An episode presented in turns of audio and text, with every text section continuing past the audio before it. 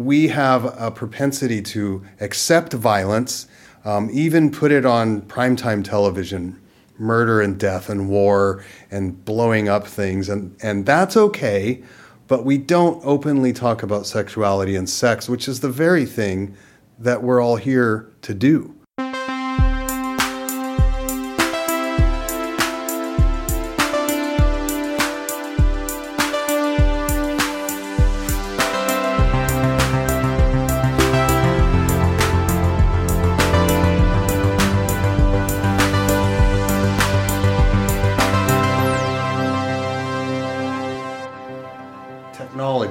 Sometimes spearheads broader technology. So, you know, even if you look at the internet and how much adult content there really is on the internet, and how some of these things like streaming content and all these um, other things that we now take for granted, um, in some ways, were derived from that uh, that seed that was sort of planted in the earlier days.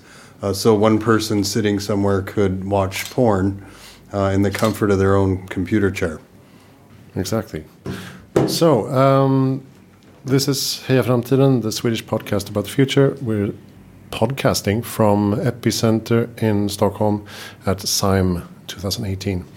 And I'm here with uh, Matt McMullen. Hello. From uh, the company Realbotix. What are you presenting here today? Uh, so I brought with me um, one of our uh, robotic characters named Harmony.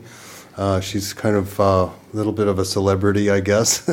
um, so I, I brought uh, Harmony with me, as long uh, as well as uh, a little bust to display her on. did not bring an entire anatomically correct body. there's a little bit more logistics involved with something like that, but the idea is to get people thinking about this concept of AI and robotics being applied to human relationships and human emotions and, and sexuality and all of the, the things in between. And uh, what, what can Harmony do? Harmony is uh, like many other human-like robots. So it's it's a face that's capable of lip syncing and you know speaking in real time and having the mouth roughly move uh, in time with that. She can make expressions. Um, she can then, using those uh, those rough foundations, she can run um, an app that we've developed that is a customizable um, sort of an AI generator. Um, basically, the user would log into the app and choose traits of personality that interest them, and they can make them more or less dominant in the personality. Uh, then they will choose a voice. We have different accents available uh, and then they'll build an on-screen avatar. So the app could be uh, used standalone, um, or if you have a Harmony robot, uh, you'd be able to connect to it uh, by Bluetooth and run this AI that you've created through the robot. So you're basically customizing a partner, more or less. In a way, yeah. So um, I think the idea uh, that many people have when they think of this is, oh, you you want to design your own partners so you don't have to deal with human beings.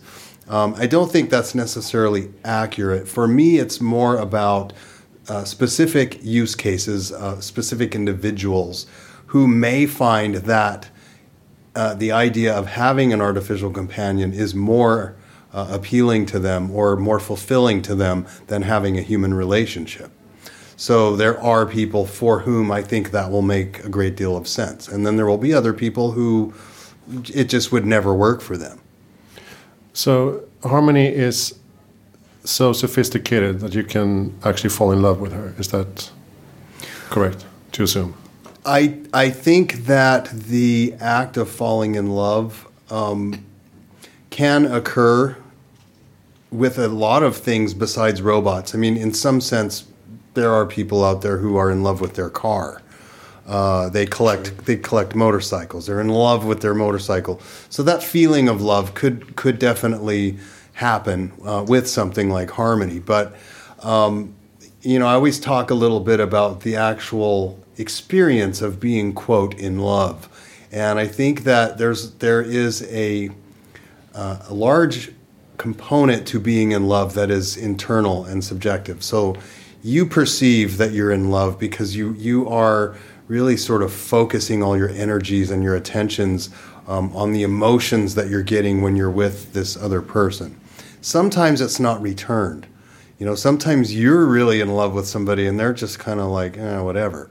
Um, so that same sort of equation, I think, can happen with an artificial intelligent um, being, uh, be it a robot or a digital being. I think that as the technology advances, it will become more and more uh, possible and common that this can happen with specific people. What about the sexual aspect of it? How, how far have you come there? Well, the sexual part, I, when we started this whole thing, um, I actually looked at the sexual part as the, that it would be the easiest thing um, because I've been making the real doll for 20 years. They don't talk, um, they don't move, they don't, you know, they're, they're very um, sort of just there. And people have been successfully, you know, utilizing them as a sex device for, for all these years. So, in one sense, I thought, well, that part already works. What do we do now to add to that? Um, what can we do with, with AI to make conversation happen? And will that will that bring that um, scenario to another level? Instead of this inanimate object, all of a sudden it's moving and talking. So, insofar as the sexual function of the robot, uh, we have now a special section of the app that we call X mode, where basically it, it's sort of a, um, a reactive AI. So it's going to react to what you're doing. And it can simulate an orgasm and excitement and all of these sort of sounds of pleasure that you would expect uh, to happen uh, on that path. Okay. So, and, and bodily, she has all the functions you would expect from a human being. Yes and no. So obviously, uh, human beings move um, from head to toe, and there there are certainly interactions during sexual activity that movement would help. Um, and we'll get there eventually. So we'll we'll start you know working on animating the body and such uh, as time goes on. But the sense is there, so she can sense what you're doing and where you're doing it. That's the idea. So she can react to um, you're touching her here versus there. And we want that to be a dynamic experience, so it's in real time. But what is the material? I mean, does it feel real? it's uh, we're using uh, medical grade silicone for the dolls and the the robots as well. So it's pretty much the most expensive uh, synthetic rubber that you can get. Um, it's widely used in prosthetics. It's widely used in implants. Um, so it is very uh, lifelike, and and there are um, obviously special uh, additives that we have to use to attain that level of of feel. Um, and once it's heated, it's it's actually quite lifelike. But I mean, it's rubber. It's not skin. Um, it's not biological in nature. So there there are differences, but. That being said, it is very pleasurable to the touch, and most people notice that right away. Do you see any limitations on what you can achieve with this technology? I mean, if you combine uh, the research in, in uh, the anatomy and bodily experience and the AI, mm -hmm. can you basically produce any kind of fantasy person you want in the future? Well, I, I think this this technology is in its infancy right now um, on all fronts. I mean, meaning um, you know what what once was a very crude chatbot is now starting to feel almost like uh, you're having a, a normal conversation. Uh, the voice engines, I mean, the synthesis that we're able to get uh, with text to speech is is now vastly better than it was even a few short years ago. And then the hardware, the robotics, um, and and obviously the dolls themselves, the materials and the chemistry and yes, I, I think as time goes on, all of these things are going to get better and better. And as that occurs, suddenly you start thinking of new applications and new ways to, you know, adjust the the methodology that you're using because this material wasn't there before or this code didn't exist before. So uh, it, it's uh, it's an ever evolving process, and I think that the robots themselves will continue to evolve as well. One, one thing I predict will happen is that right now people have this tendency to look at something like Harmony because you attach this robotic head to an anatomically correct body and you give it a title, sex robot.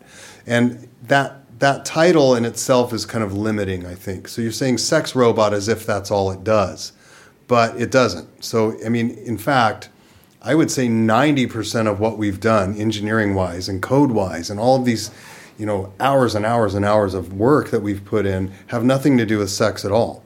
As one of my uh, good friends put it, to build a, a good sex robot, you actually have to build a good robot to begin with. Um, the sex part is, is an aside. So I hope, and I, I will make all of my own efforts to further this cause of kind of drop the sex word and just you know robots in general lifelike robots that look like people that in certain occasions and certain environments might be capable of having sex but they're still at the end of the day a really cool piece of technology and i think they're going to find their way into our lives on a lot of different levels.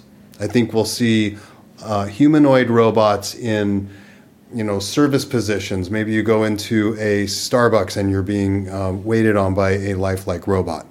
Um, before we know it, I think those are the types of things we're going to see uh, in in our common everyday lives. And the more robots you see, the more you get used to seeing them, and it's not this outlandish, crazy thing that you know that where your only frame of reference is scary science fiction movies, and uh, that's where a lot of people have this this knee jerk reaction of terror when you talk about robots, especially if they look like people.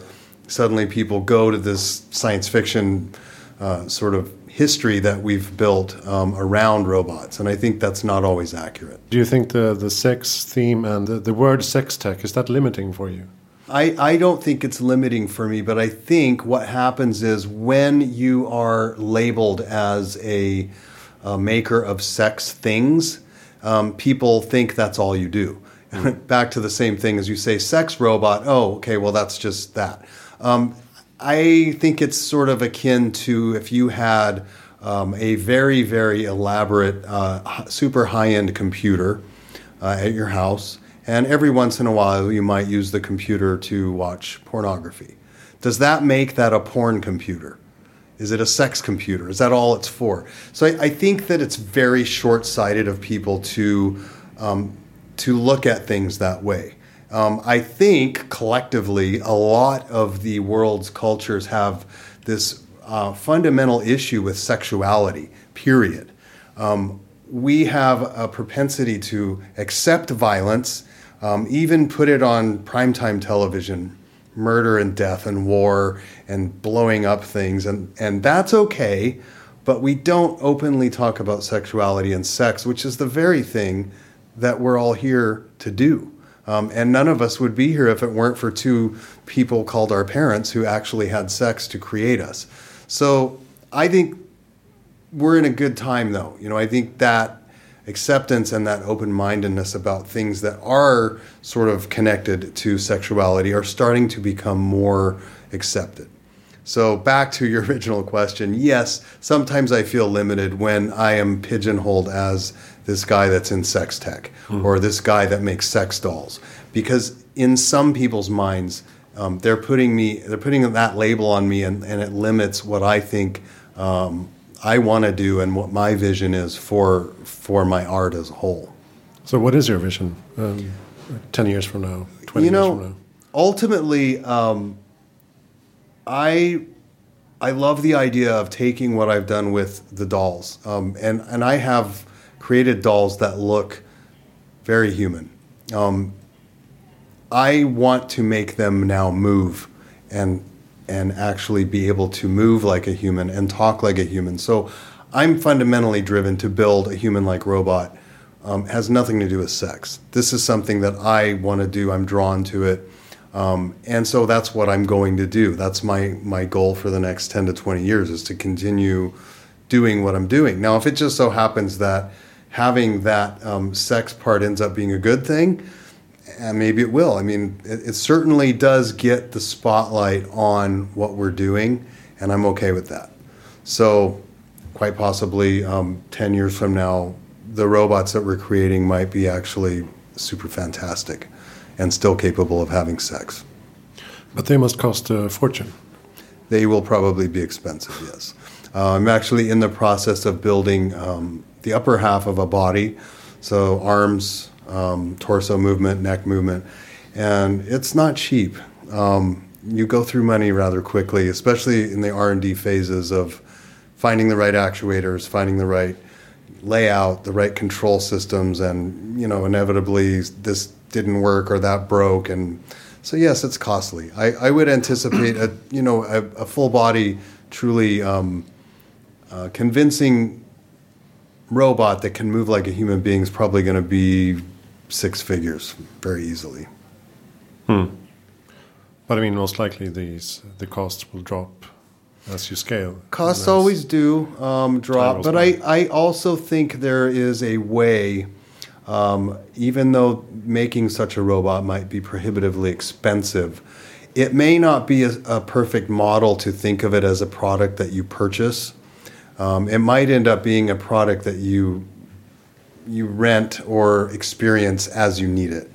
Um, you know, you could make a Westworld style brothel where you pay for this experience and you get to interact with these robots, but you don't necessarily take them home with you. Hmm. It could be something that for the very wealthy, they want their own and they can certainly have it. But um, I think trying to build something like this with the limitation of making it under $10,000 is, is going to be severely limiting. It's just not, um, it's not possible to build what I want to build without having a pretty good budget. It's going to be interesting to see where the line is drawn for cheating in the future. Yes, yes, it is, um, and I think similarly, um, you know, that pe people always ask, well, is it cheating if if you were to have sex with a sex robot uh, versus a human being? And I think it's different, um, and I think it's also it's also dependent on the person's emotional connection to to the situation. So, um, in some sense, if if you were cheating purely physically with a sex robot and your partner was aware of it, um, then it's not cheating. If you're deceptive about it and hiding it, and it becomes sort of a, a fixation, and you actually have an emotional need and desire to keep having sex with this robot, then I think yes, it's cheating. I suppose you predict that people's um, aversion to this uh, phenomenon will will ease over time mm -hmm. as it gets more integrated in, in society as a whole. I mean, robots. Um, you yes. think we will live with robots in the future? Yes, I think we will live side by side with robots in, in the future. I think there will come a time when uh, robots and AI-driven machines will go through a period of actually uh, being prejudiced against and maybe treated like crap, because that's what humans do.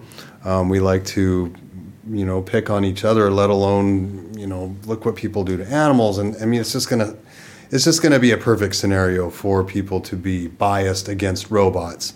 Um, and the more human like they get the more these people that that are just averted have an aversion to it are going to come out of the woodwork you know? And then and then you'll have issues of you know somebody running up and pushing a robot down and breaking a hundred thousand um, dollar piece of machinery just because um, so it'll be it'll be interesting to see the future. But I, I also think that there will for every one of those people that hates it, there will be two that don't.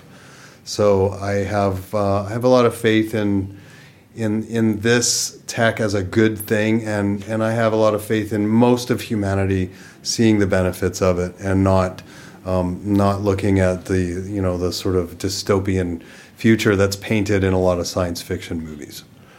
Um, Marika Smith, that was in another episode of uh, the, when we talked about sex tech.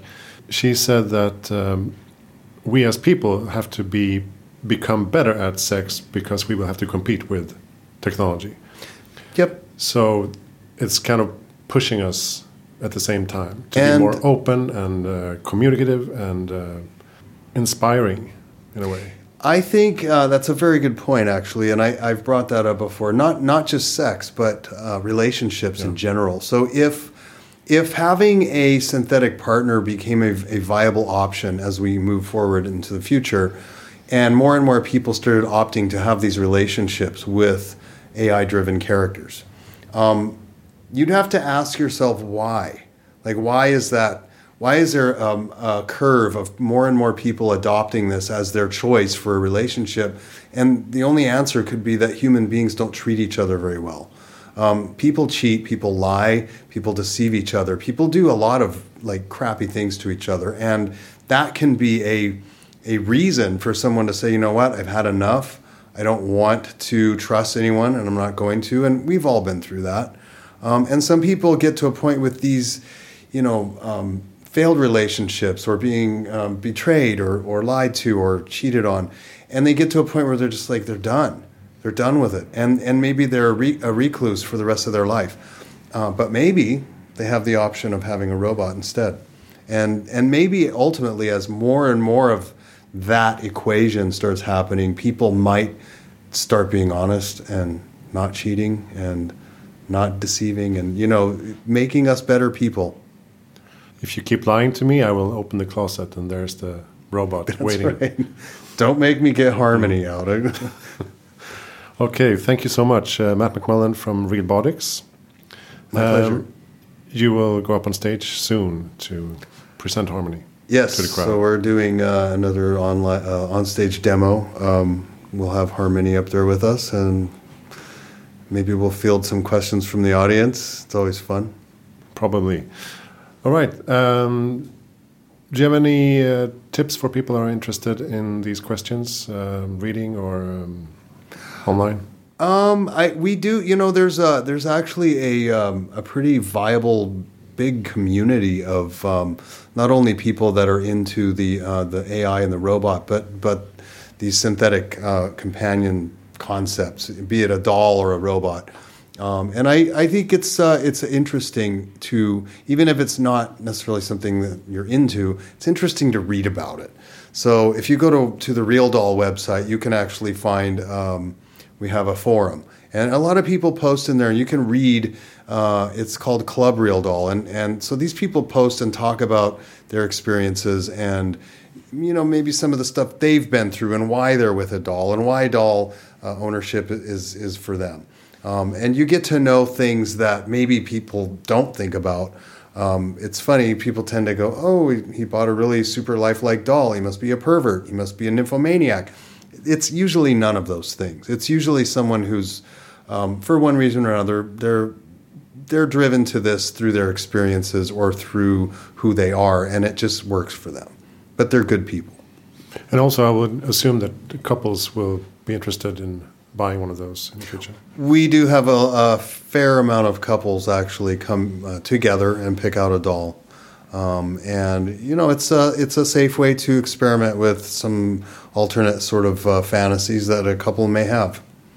Without uh, stepping into the minefield of uh, Yes, the mind person. the minefield of jealousy. Yeah, that could be a, could be a, a very deep hole if you step in there.